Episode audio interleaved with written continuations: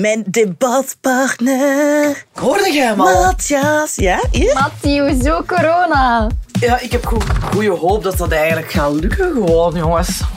Dit is Groot Gelijk, een podcast van De Standaard, waarin twee redacteurs debatteren over een hot topic. Ik ben Helene de Beukelaar, journaliste Binnenland bij De Standaard. Ik ben Matthias Verbergt, politiek redacteur bij De Standaard.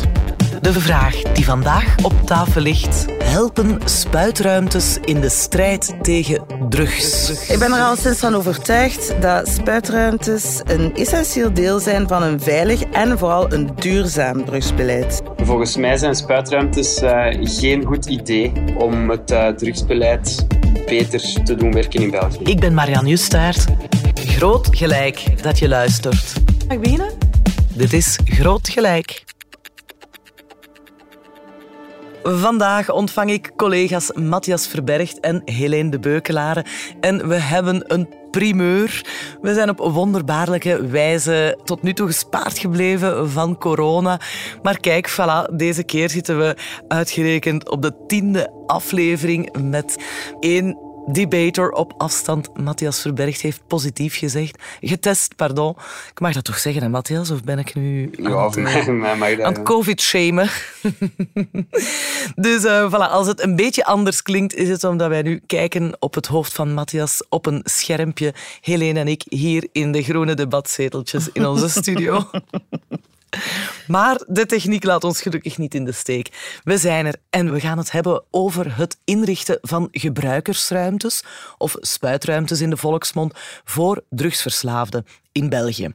Daar wordt al 25 jaar over gepraat, maar pas vier jaar geleden ging de eerste Salle de Consommation open in Luik. Een proefproject toen, nog steeds trouwens.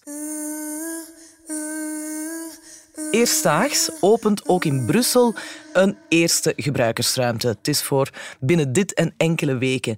Nu, de meningen daarover blijven heel erg verdeeld. Want de vraag is natuurlijk: helpen zo'n gebruikersruimtes in de strijd tegen drugs of werken ze verslaving alleen maar in de hand?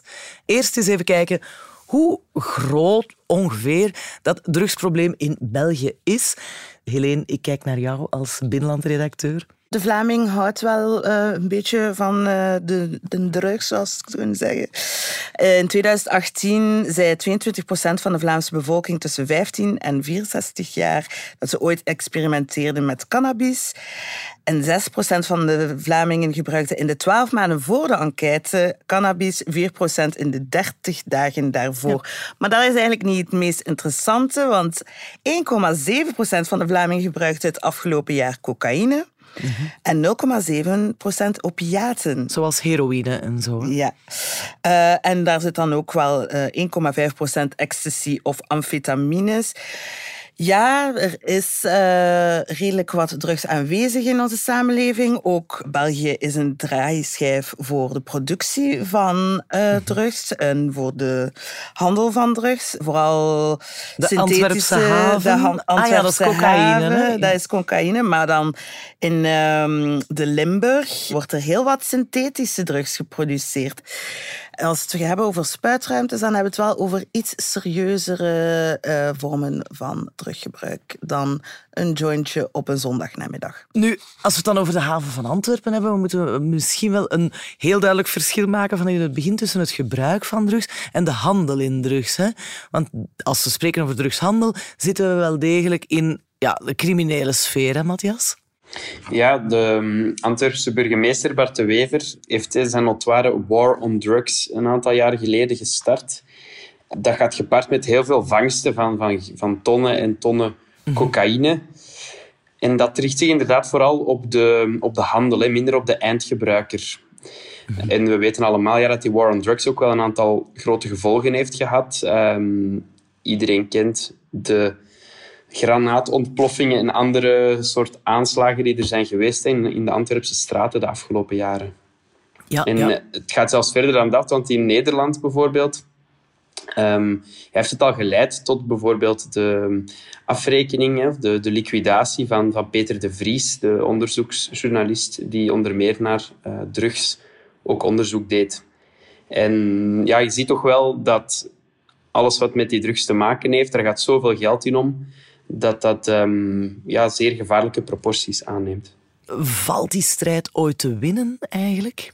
Goh, dat, is, dat is een goede vraag. Maar anderzijds valt de strijd tegen moorden, tegen agressie, tegen terrorisme, tegen fraude, valt die ooit te winnen?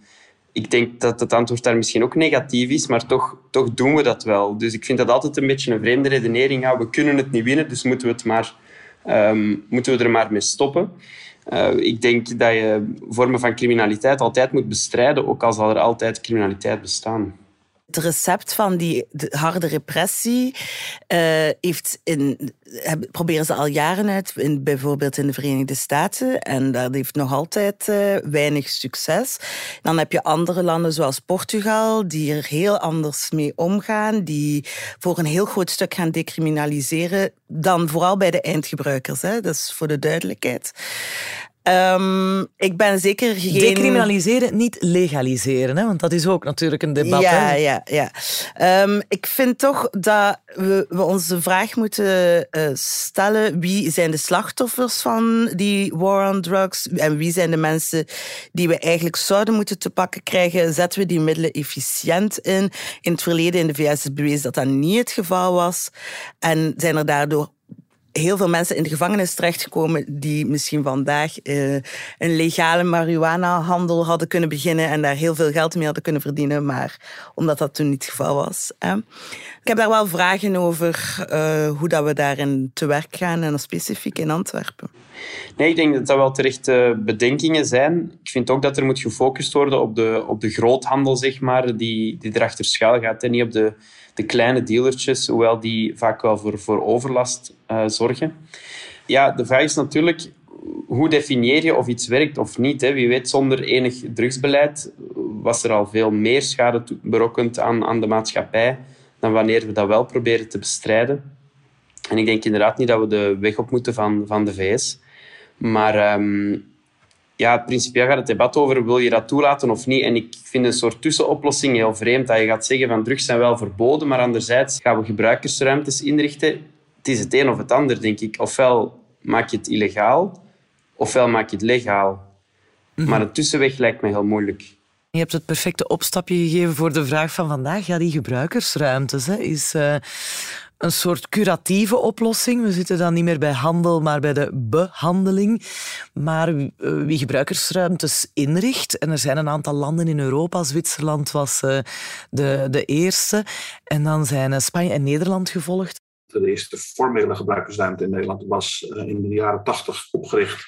Niet eens door, door gebruikers zelf of door hulpverleners, maar door de politie wie zo'n ruimtes inricht, gaat ervan uit dat de gebruiker vanuit een gezondheidsperspectief benaderd moet worden en zeker niet vanuit een uh, strafrechtelijk perspectief. Hè? Je kunt natuurlijk op veel manieren naar gebruikersruimtes kijken. Uh, in Nederland kijken we er uh, naar vanuit het gezondheidsperspectief.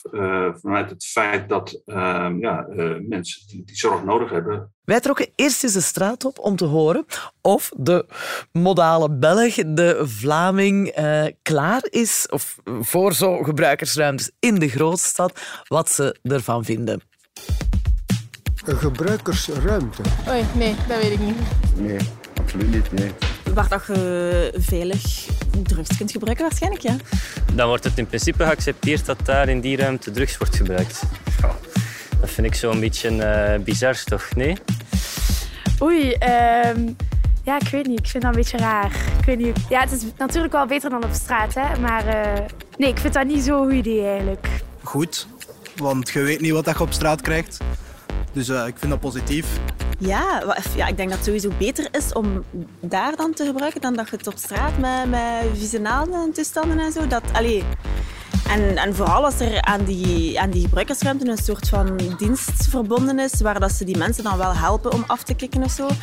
Wij gebruiken het niet, maar ik, denk, ik veronderstel wel dat het zal, dat zal goed zijn. Hè? Ik vind dat dat beter is, dat iemand hun helpt. Sinds verslaving niet makkelijk is om tegen te strijden alleen. Om af te kicken is dat waarschijnlijk heel goed.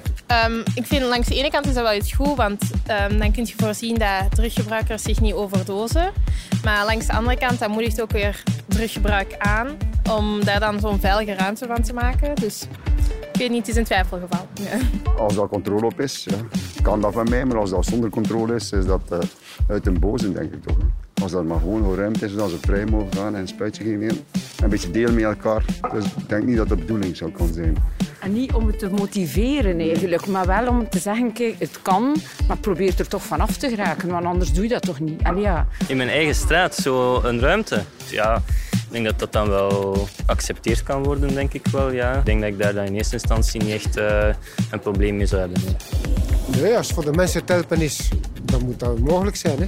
We moeten niet tegen zijn. Hè. Dat is vooruitgang. Hè? Tenzij dat er inderdaad een bepaalde invloed is op, op de buurt. Uh, gelijk, wij kennen ook iemand in onze buurt.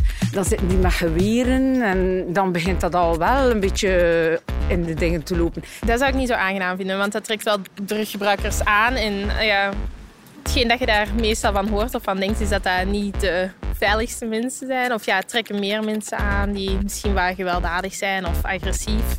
Gevaarlijk. Ik weet, ik weet dat ze in een ruimte zitten, maar ik zou dat like, ik zou me niet op mijn gemak voelen als ik weet dat er daar mensen zijn die drugs aan het gebruiken zijn.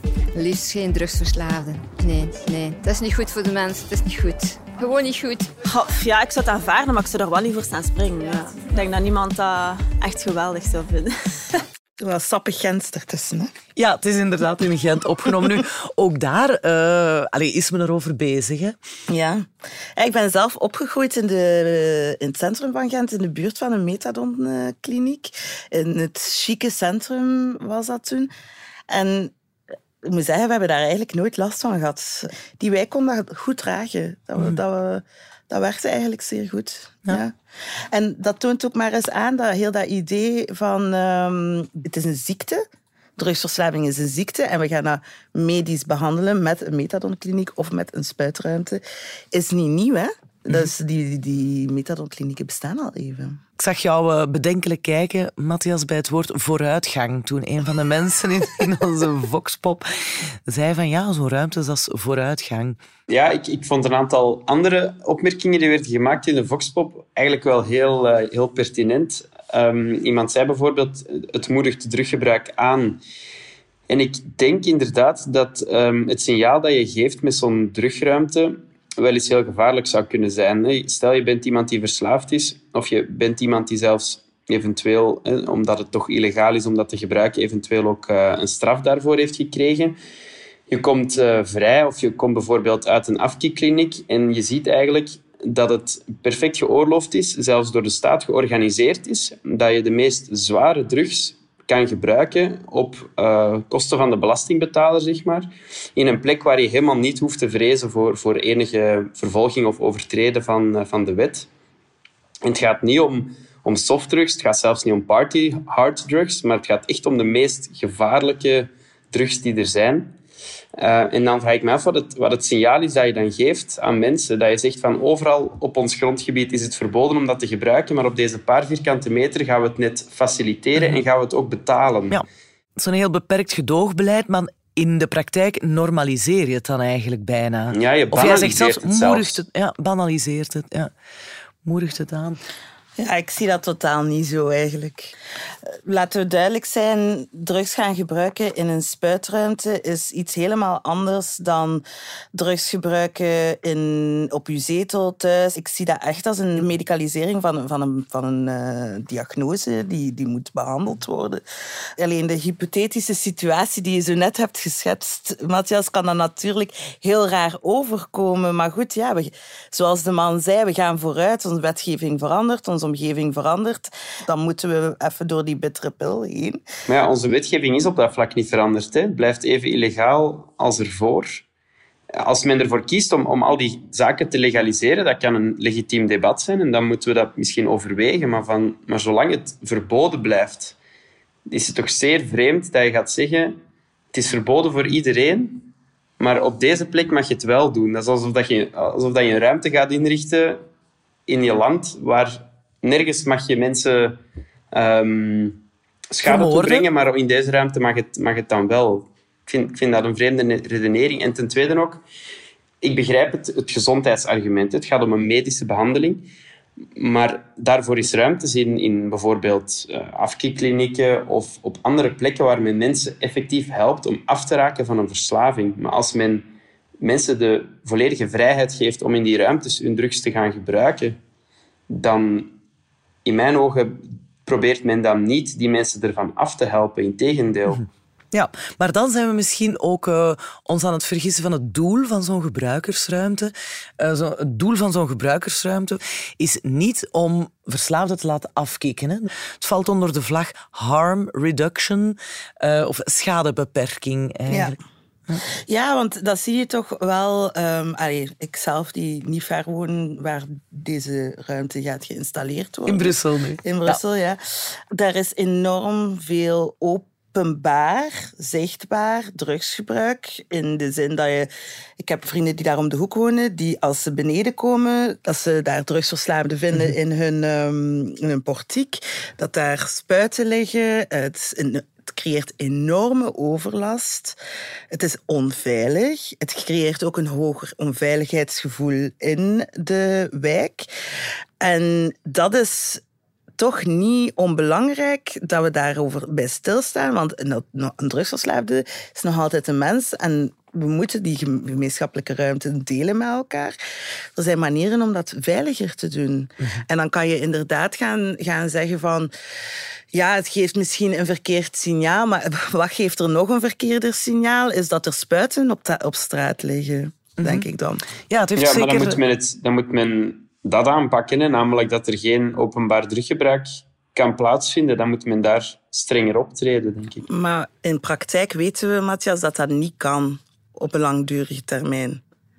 We nee, zien dat dat dat, ik, niet maar, gaat. Maar ik, ik, zie ook niet hoe dat een, een spuitruimte daar fundamenteel verandering in kan brengen. Ik heb bijvoorbeeld ik heb, uh, een tijd lang in Parijs gewoond, waar spuitruimtes al jaren schering en inslag zijn. Ik kan u zeggen, uh, in het uh, 18e arrondissement waar ik woonde, het was overal. Heroïnegebruikers in de metro, in de straten. En daar zijn spuitruimtes. Mm -hmm. Dus ik wil nog heel even terugkomen op dat argument van jou daarnet, Matthias. Moedigt het druggebruik aan of um, banaliseert het inderdaad druggebruik?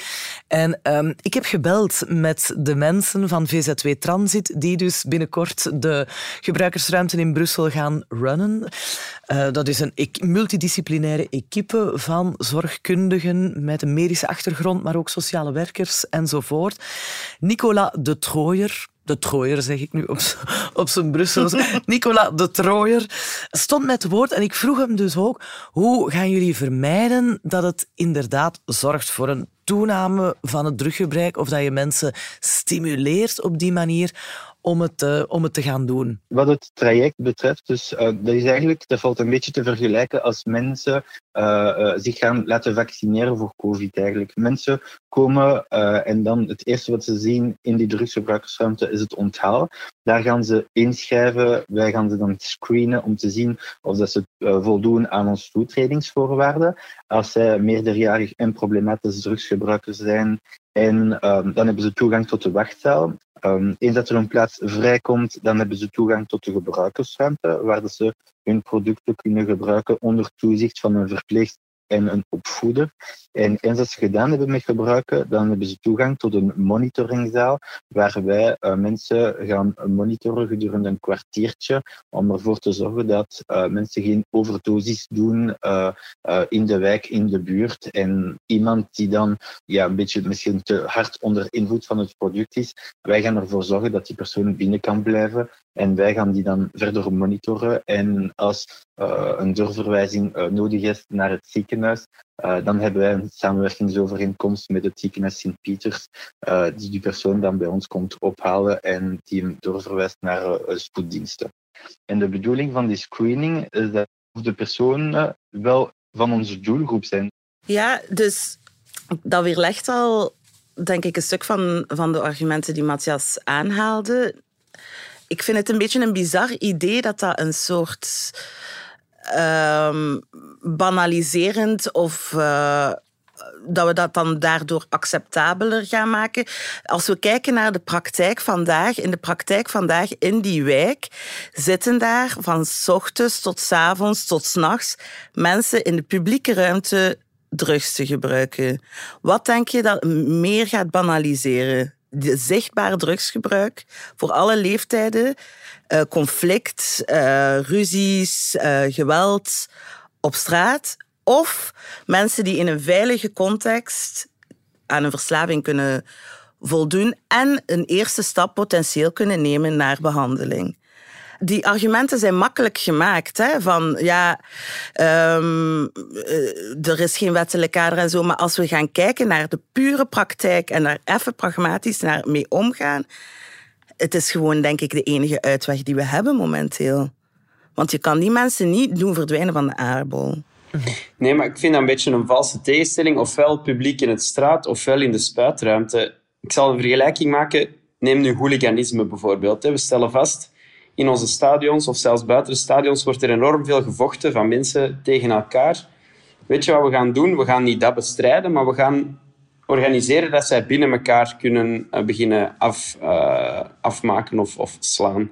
Dat is toch geen oplossing? Je moet toch net naar de, naar de core van het probleem gaan, naar de grond van het probleem en die mensen van hun verslaving afhelpen en van het overtreden van de wet te proberen te vermijden. Maar niemand zegt toch dat we mensen niet moeten gaan helpen om van een verslaving af te geraken? Ja, in dat verband natuurlijk is een van de kritieken, onder meer van NVA Brussel, de oppositiepartij uh, hier in Brussel, zolang er geen verplichting is tot doorverwijzing naar de zorg of de verplichting om allez, u ook te laten helpen of u uh, te laten opnemen in een afkikcentrum, gaan ze hun doel voorbij schieten. Faciliteren we het daadwerkelijk? Sorry, het is een, een drugsverslaving. Hè? Ik weet niet of dat iemand van ons hier al een verslaving heeft gehad. Allee, je moet daar zelf tot komen dat je wilt stoppen.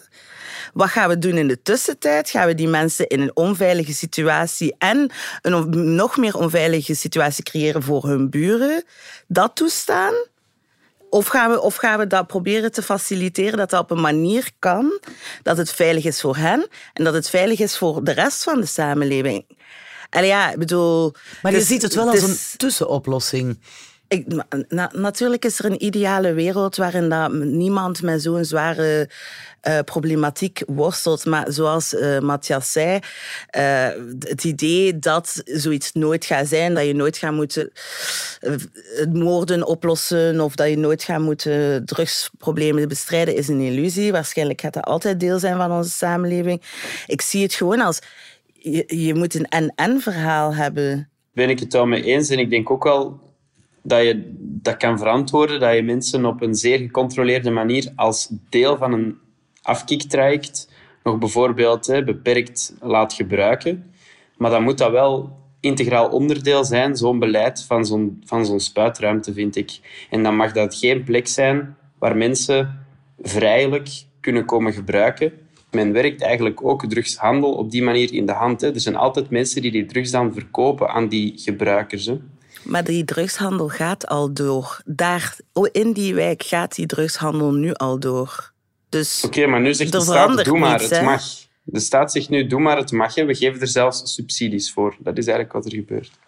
Ja, ik, ik kan daarmee leven. Ik ga er eerlijk over zijn.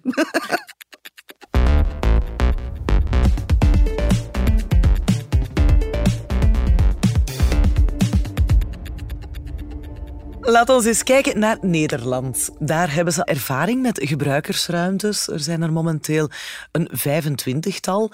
Harm reduction, schadebeperking, is al decennia lang een van de pijlers van het Nederlandse drugbeleid.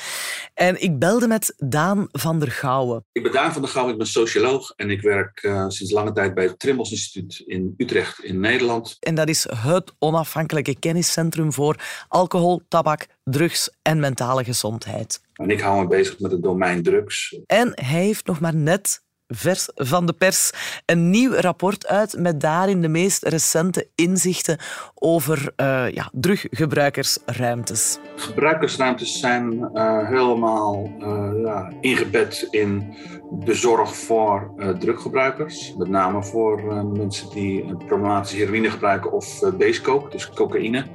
Uh, voor die groep, een groep die een beetje buiten wal en schip valt, omdat ze uh, niet in staat blijken te zijn, veelal om hun gebruik te staken. En een van de dingen die we daar dus aanbieden is, zijn gebruikersruimtes. Dat is eigenlijk sinds jaren dag een controversieel concept. Um, want je biedt mensen de gelegenheid om op een zo veilig mogelijke manier uh, drugs te gebruiken. En uh, de gemiddelde persoon, de gemiddelde Nederlander of Belg of Fransman, zal niet gelijk denken van nou een geweldig idee. Maar uh, we weten uit de praktijk, uit de ervaring, dat het een uiterst effectief middel is om voor deze groep toch zorg te verlenen en tegelijkertijd voor de omgeving en de samenleving als geheel risico's verbonden aan mensen die drugs gebruiken op straat zoveel mogelijk te beperken. Ja, ik heb geen werk meer, hè, Marian. Ik zal gewoon naar huis gaan dan, hè. Allee, ja. Matthias, het woord is aan u. Wel ja, in, in Frankrijk zijn er ook al uh, studies geweest hè, die, die hebben aangetoond dat het eigenlijk zeer effectief is om die mensen zelf te helpen. Maar ik wil toch ook een, een kanttekening maken, namelijk dat zo'n studies die problematiek echt vanuit een medisch, vanuit een gezondheidsmatig standpunt bekijken. En dat is een heel belangrijk, ja. dat is heel legitiem.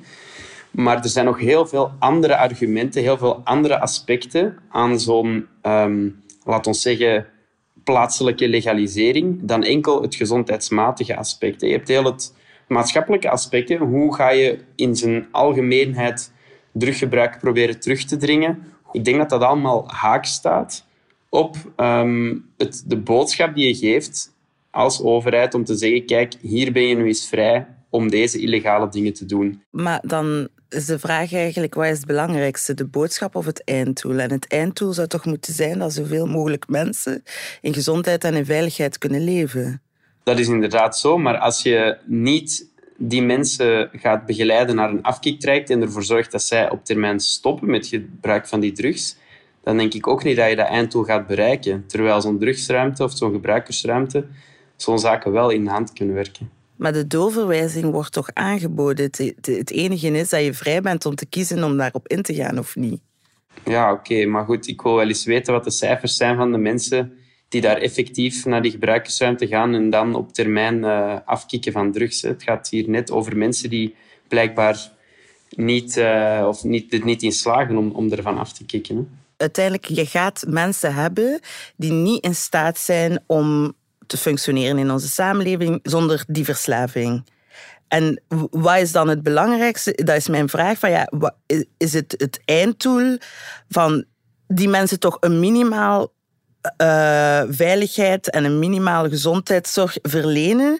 Of is het uw boodschappen rond de war on drugs, die je eigenlijk ook moet, zoals je zelf toegeeft, zegt, moet voeren naar de dealers en de, en de grote organisatoren toe en niet naar de eindgebruikers? Het gaat hier wel om de zwaarste harddrugs, die bij uitstek ook een grote problematiek meebrengen voor de omgeving van gebruikers. Het gaat hier niet om, om marihuana of, of zelfs om, om cocaïne, waar het effect op de omgeving relatief beperkt is. Heroïne heeft een enorme impact op um, niet alleen de maatschappij, maar ook de mensen in de directe omgeving van die mensen. En daarom is het ook dat we als maatschappij zeggen, kijk, we, we verbieden dat. We vinden dat illegaal, hè, want het brengt niet enkel schade toe aan de persoon zelf, zoals bijvoorbeeld tabak, maar ook aan de mensen in de omgeving.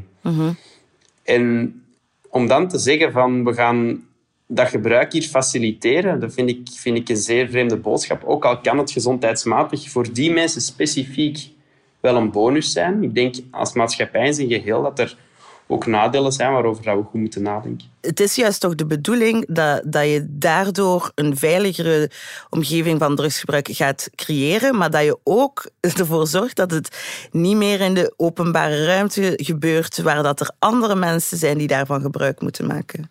Toch uh, zien we heel dikwijls protest in buurten waar er sprake is van hier gaan we zo'n druggebruikersruimte inrichten. Dan zie je zo het NIMBY-syndroom opduiken, hè? not in my backyard. Veel mensen hebben dat toch liever niet naast hun deuren of om hun hoek. Ik weet niet hoe het met jullie zit. Maar uh, moeten we daar ook geen rekening mee houden? Ik zal verrassen, ik vind eigenlijk van niet. Ik vind dat je de principiële discussie moet voeren, maar dat een argument als in ik vind het over het algemeen wel oké, maar niet naast mijn deur. Dat vind ik eigenlijk een belachelijk argument.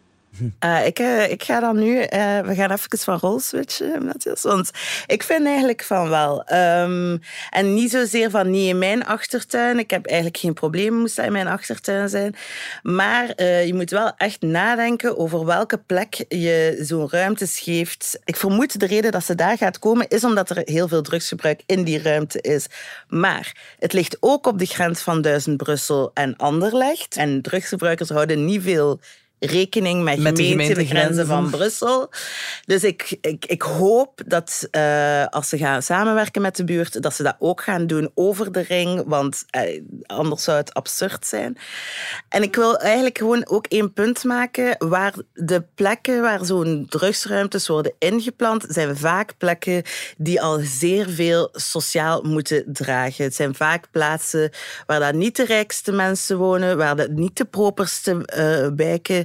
En dan vraag ik mij toch soms af, kunnen we niet ietsje beter ons best doen in dat spreiden van, van, van ja, de draagkracht in een stad of in een omgeving enzovoort en. Nu, eh, om terug te keren naar Daan van der Gouwen en eh, de voorbeelden uit Nederland. Hij stelde vast in zijn studie dat het klopt dat er in het begin altijd veel weerstand is, maar dat met de tijd eh, buurten eigenlijk helemaal de omslag maken. Het is altijd zo dat als er ergens een gebruikersruimte, eh, als er sprake is van dat er ergens een komt, dan zie je altijd dat de buurt, eh, in de buurt ontstaat onrust. Logisch, want ja, eh, het, zijn geen, het zijn vaak mensen die overlast veroorzaken. En eh, ja, dat wil je over het algemeen niet in je buurt hebben. Maar tegelijkertijd zien we dus dat als die, die, die ruimtes er toch eenmaal zijn, dat de overlast sterk afneemt. En eigenlijk zijn mensen na aanvankelijk te protesteren, zijn ze er best blij mee. Want enerzijds is het probleem in de buurt van de straat. Want ja, als er een gebruikersruimte is waar je terecht kunt, heb je ook niks eh, op straat te zoeken. Dus dan hoef je ook niet op straat te gebruiken. En dan kun je ook een boete verwachten van de politie. En de politie heel vaak eh, verwijzen ook gelijk naar de gebruikersruimte. Mochten ze op straat dat alsnog doen. Bovendien is het voor de buurt ook nog een keer zo dat eh, als er bijvoorbeeld op spuit dan toch nog paraphernalia zoals spuiten of dergelijke gevonden worden, kunnen ze heel makkelijk eh, bellen met, eh, of contact opnemen met de gebruikersruimte en dan wordt wordt het gewoon opgeruimd. Dus het is in die zin gewoon een, eh, ja, wat je zou noemen, een klassieke win-win situatie. Internationaal zijn er wel steeds meer rapporten die ook gewoon de effectiviteit van die ruimtes ondersteunen, zeg maar. Nu weten we dat het gewoon effectief is op bepaalde terreinen. Het enige waar het niet effectief is, of waar, het onduidelijk is, is dat het terugdringen van die criminaliteit. Maar dat is geen reden om, eh, om die gebruikersruimtes überhaupt te starten. Dus, eh, dus dat weten we niet, maar andere dingen wel. Ja, en we weten over het algemeen gewoon dat ook in Nederland dat de buurt, de, de omgeving gewoon blij is met zo'n ruimte. Omdat het gewoon het probleem is van de straat. Kinderen kunnen weer veilig op straat spelen enzovoort. Een belangrijk punt in ons rapport is van ja, eh, deze mensen zijn er. Eh, we leven in een hoog geïndustrialiseerde samenleving. Eh, je moet voor deze mensen ook gewoon zorgen. En dat betekent dus ook dat huisartsen en andere zorgverleners ja, deze mensen moeten gewoon moeten accepteren. En je kunt ze niet zomaar de deur wijzen. Dus we zijn geen Rusland waarin dat schering en inslag is. Dat willen we ook niet zijn.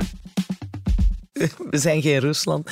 Maar de, de, buurt draait bij, is zelfs blij met een spuitruimte. Anderzijds moeten we niet te veel eh, victorie kraaien, want het is ook wel niet bewezen dat de, de aanwezigheid van een gebruikersruimte de criminaliteit doet dalen. Hè. Dat zou dan overdreven zijn. Je hebt natuurlijk enerzijds de, de overlast eh, die vermeden wordt, zoals inderdaad gebruiksspuiten die niet meer gevonden worden en zo.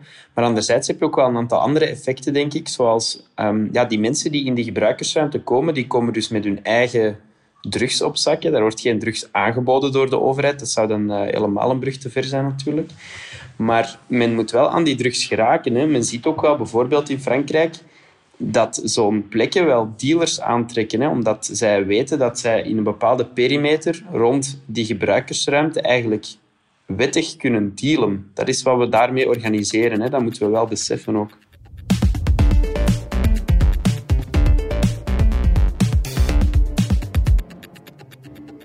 Jij gebruikt daar een belangrijk woord, wettig. Het is hier al gevallen, hè? wettelijk kader. Uh, laat ons daar eens naar kijken, want Matthias heeft er terecht op gewezen dat de uh, oude drugswet, de federale drugswet van Weleer, is niet aangepast. En eigenlijk staat het inrichten van zo'n gebruikersruimte nog altijd wel haaks op uh, de geest van die drugswet, want dat ja, zou faciliteren van gebruik zijn als je het juridisch bekijkt. In Luik heeft men een uh, oplossing gevonden door zo'n ruimte in te richten als proefproject of pilootproject. In Brussel heeft de Brusselse meerderheid een ordonnantie goedgekeurd, maar volgens de oppositie, volgens N-VA, is die dus in strijd met de federale wet. Ja, Als we daar nu allemaal gebruikersruimtes beginnen organiseren waar eigenlijk geen wettelijk kader voor is, dan dreigen er ook wel eens wielen af te rijden. En ik denk dan specifiek aan een geval als je daar zit met iemand die overlijdt aan een overdosis. Ja, dat is uh, een zeer goed punt. Dat kan ik niet tegen hem. Nee, dat is natuurlijk belangrijk, hè, omdat we... We kunnen natuurlijk zeggen, oké, pas die wet aan. Hè, maar dan ga je eigenlijk drugs, hoe je het ook draait of keert, een bepaalde manier van druggebruik ga je dan legaliseren. En dan open je een enorme deur. Want waarom ga je dan andere vormen van druggebruik ook niet legaliseren? Hoe ga je dat zeer specifiek definiëren dat je op die plekken in het land een uitzondering maakt? Ik denk dat dat heel moeilijk te verantwoorden valt met het, uh, met het gelijkheidsbeginsel. Um, en nu inderdaad zijn er eigenlijk deals met de parketten gemaakt vooral. Hè. Dus men, eh, eigenlijk belooft men op de parketten nu van kijk, we gaan niet vervolgen als er in die uh, ruimte of in die buurt overtredingen worden vastgesteld. Of men gaat ook niet controleren op, uh, of er zo'n overtreding gebeurt. Ik vind dat heel problematisch, omdat je dan echt... Dat is echt een onderscheid maken tussen, tussen burgers twee mensen die de wet overtreden. De ene doet het op de ene plek en het mag wel, de andere doet het op de andere plek en het mag niet. Mij lijkt dat heel problematisch als we daar geen deftig wettelijk kader voor hebben. Ja, en zo zijn er nog wel een aantal vragen. Hè. Als je de groep beperkt. Je zegt bijvoorbeeld geen minderjarigen, geen mensen die niet uit de buurt zijn, hè, om dat aanzuigeffect te vermijden. Hoe ga je dat controleren? Hoe ga je dat afdwingen? En wat, wat als er iemand binnenkomt die niet binnen de doelgroep valt? Als het personeel of het team daar zeker wil zijn dat er geen overdosis wordt genomen, moeten ze misschien bijstaan bij het injecteren, dat de juiste dosis wordt ingenomen. Maar goed, op dat moment ben je aan het helpen, ben je actief eigenlijk aan het tussenkomen uh, in druggebruik mm. enzovoort. Dus daar zijn wel nog een aantal losse eindjes hè, die mogelijk uh, voor problemen zouden kunnen leiden als er zich zo'n specifiek geval voordoet. Zeker weten. Maar mogen ook niet vergeten dat wat wet is niet altijd uh, de beste oplossing of de meest pragmatische of de meest rechtvaardige is. Eindgebruikers worden dag in dag uit uh, opgepikt door de politie van Brussel in die zone. Ik, als ik moet besluiten op basis van mijn ervaring van daar aanwezig te zijn, het zijn er niet veel. Um, en, we hebben ook een systeem dat dat niet kan. We kunnen dat ook niet dragen. We kunnen die mensen niet vervolgen. We kunnen die mensen niet opsluiten. Dus ja, misschien is dit dan een beetje onwettige creativiteit, maar een die nodig is. Er zijn ook weer communautaire verschillen. Hè? Het zal niet verbazen dat het inrichten van zo'n gebruikersruimtes ligt politiek ongelooflijk gevoelig. Vallen ook geen stemmen mee te winnen over het algemeen. Maar je ziet daar wel echt zo'n breuklijn Vlaanderen-Wallonië alweer. Hè? Dus in, in Luik uh, is er de eerste ruimte ingericht onder PS-bewind, Brussel, idem. Maar in Vlaanderen uh, ligt dat toch allemaal veel moeilijker. Hè? Ja, maar ik denk dat dat veel te maken heeft met de dagdagelijkse praktijk, want ik denk dat er wel stemmen vallen te winnen. dat, dat, dat zal moeten blijken in 2024 nu. In Luik, pas op, ook dat is misschien weer een beetje typisch Belgisch, maar uh, het centrum is in 2018 opengegaan. En toen waren er uh, ja, zo'n 50 passages per dag. Maar dan is het de hele tijd dicht geweest door een administratief geschil. En uh, heel recent is het dan wel weer open gegaan. Wel, mij verbaast het ook niet helemaal dat, um, dat linkse besturen of partijen meer voorstander zijn van dat soort ruimtes. Ook, zoals Helene zegt, omdat in, in de wijken die vaak door hen bestuurd worden, iets meer die problematiek ook aanwezig is. Omdat rechtse politici natuurlijk, en rechtse besturen veel repressiever optreden tegen druggebruik in het algemeen. Kijk maar naar, eh, naar Antwerpen. Hier heb je geen openlijk heroïnegebruik in de straat. Hè. Dus heb je ook veel minder nood aan um, dat soort drugsruimtes. Ik zeg niet dat er niet is, maar veel minder zichtbaar dan in, dan in Brussel bijvoorbeeld of in Luik. Dus ik denk ook dat, dat het daar wel mee te maken heeft. Helpen ze ook echt de zo'n gebruikersruimtes dan helpen ze ook echt de problematiek vooruit? Of zijn ze effectief in de strijd tegen drugs in het algemeen? En ook dat vroeg ik eens aan Daan van der Gouwen van het Trimbos Instituut in Utrecht. De strijd tegen drugs, uh, als het gaat om de strijd tegen drugsgebruik, nee. Uh, of je moet daar vanuit een heel erg uh, idealistisch perspectief naar kijken. Dan zou je kunnen stellen, door, en dat is ook wel eens gezegd door mensen, doordat mensen nu in de gebruikersruimte rustig en op een veilige manier kunnen gebruiken, maar vooral rustig, zonder het opgejaagd gebruik wat je op straat wel hebt, komen mensen wat tot rust en kunnen ze vanuit die rust ook tot het inzicht komen van nou, misschien moet ik toch maar eens in behandeling gaan om het probleem te stoppen. Het gebeurt wel eens dat mensen op die manier stoppen met gebruik, maar het is geen doelstelling van een gebruikersruimte. Dus het is meer een bijzaak in de strijd tegen drugs. Dus als het gaat om mensen die gaan stoppen met gebruiken, is het niet, er zijn andere, veel betere manieren voor. Maar tegelijkertijd is het wel zo dat ja, het, het, drugsprobleem, het visuele, het zichtbare drugsprobleem op straat, is er wel degelijk mee verminderd. Dus het probleem is niet weg, maar het is, het is op een andere manier ingevuld. En op een manier die zowel voor de samenleving als voor de gebruiker zelf veruit te prefereren valt boven ja, een situatie waarin er geen gebruikersruimte zijn. Ja, een groot voorstander daar aan het woord. Maar goed, ik onthoud wel, het is mogelijk een beetje een dooddoener, maar een uh, doeltreffend drugsbeleid zal dus wel een en-en verhaal moeten zijn. Hè? Ja, ik denk dat de vraag ook uh, is: wil je um, jouw drugsbeleid zo maken dat daar ook ruimte is voor de zorg voor de duurzaam verslaafden. Ik denk dat we gewoon moeten accepteren dat er altijd mensen zullen zijn voor wie dat leven op een bepaalde manier is gegaan. En kunnen we dan ook accepteren dat we als maatschappij ook voor die mensen gaan zorgen. In Nederland uh, is men nu zelfs bezig, vertelde Van der Gouwen mij nog, met uh, ja, een groep zwaar heroïneverslaafden van in de jaren tachtig. Daar hadden ze zo'n hele hero-golf. En uh, die mensen worden nu ouder, maar sukkelen met ongelooflijk veel klachten. Die zijn eigenlijk te jong om naar een rusthuis te gaan. Maar daar is heel weinig voor voorzien. En, uh, gewone zorginstellingen ja, willen die ook, zien die ook niet graag komen. En dat is blijkbaar echt wel uh, een, uh, een belangrijke nieuwe zorg. Nu, wat doen we met die oudere ja, heroïne-junks van, uh, van de jaren tachtig?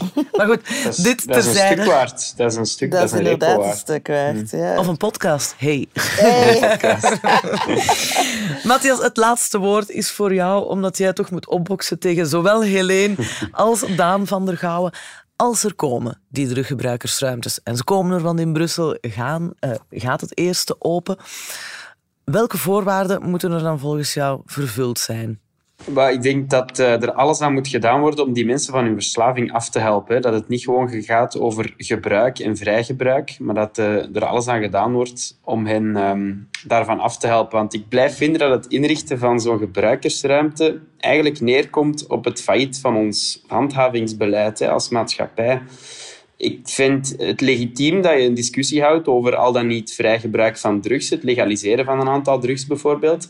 Maar als je principieel zegt, we zijn daar tegen en je kan dat eigenlijk niet waarmaken en daarom moet je als overheid een plek verzinnen waar je eigenlijk de wet laat overtreden met overheidssteun, dan denk ik dat je als maatschappij gewoon, gewoon gefaald hebt. En ik denk als we die keuze maken, moet dat een principiële keuze zijn en geen keuze uit noodzaak.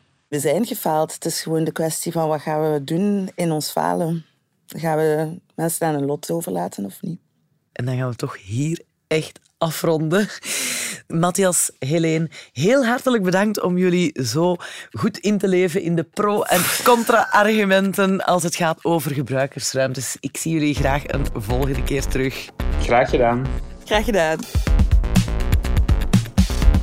Dit was Groot Gelijk, de tweewekelijkse debatpodcast van De Standaard. Dankjewel om te luisteren.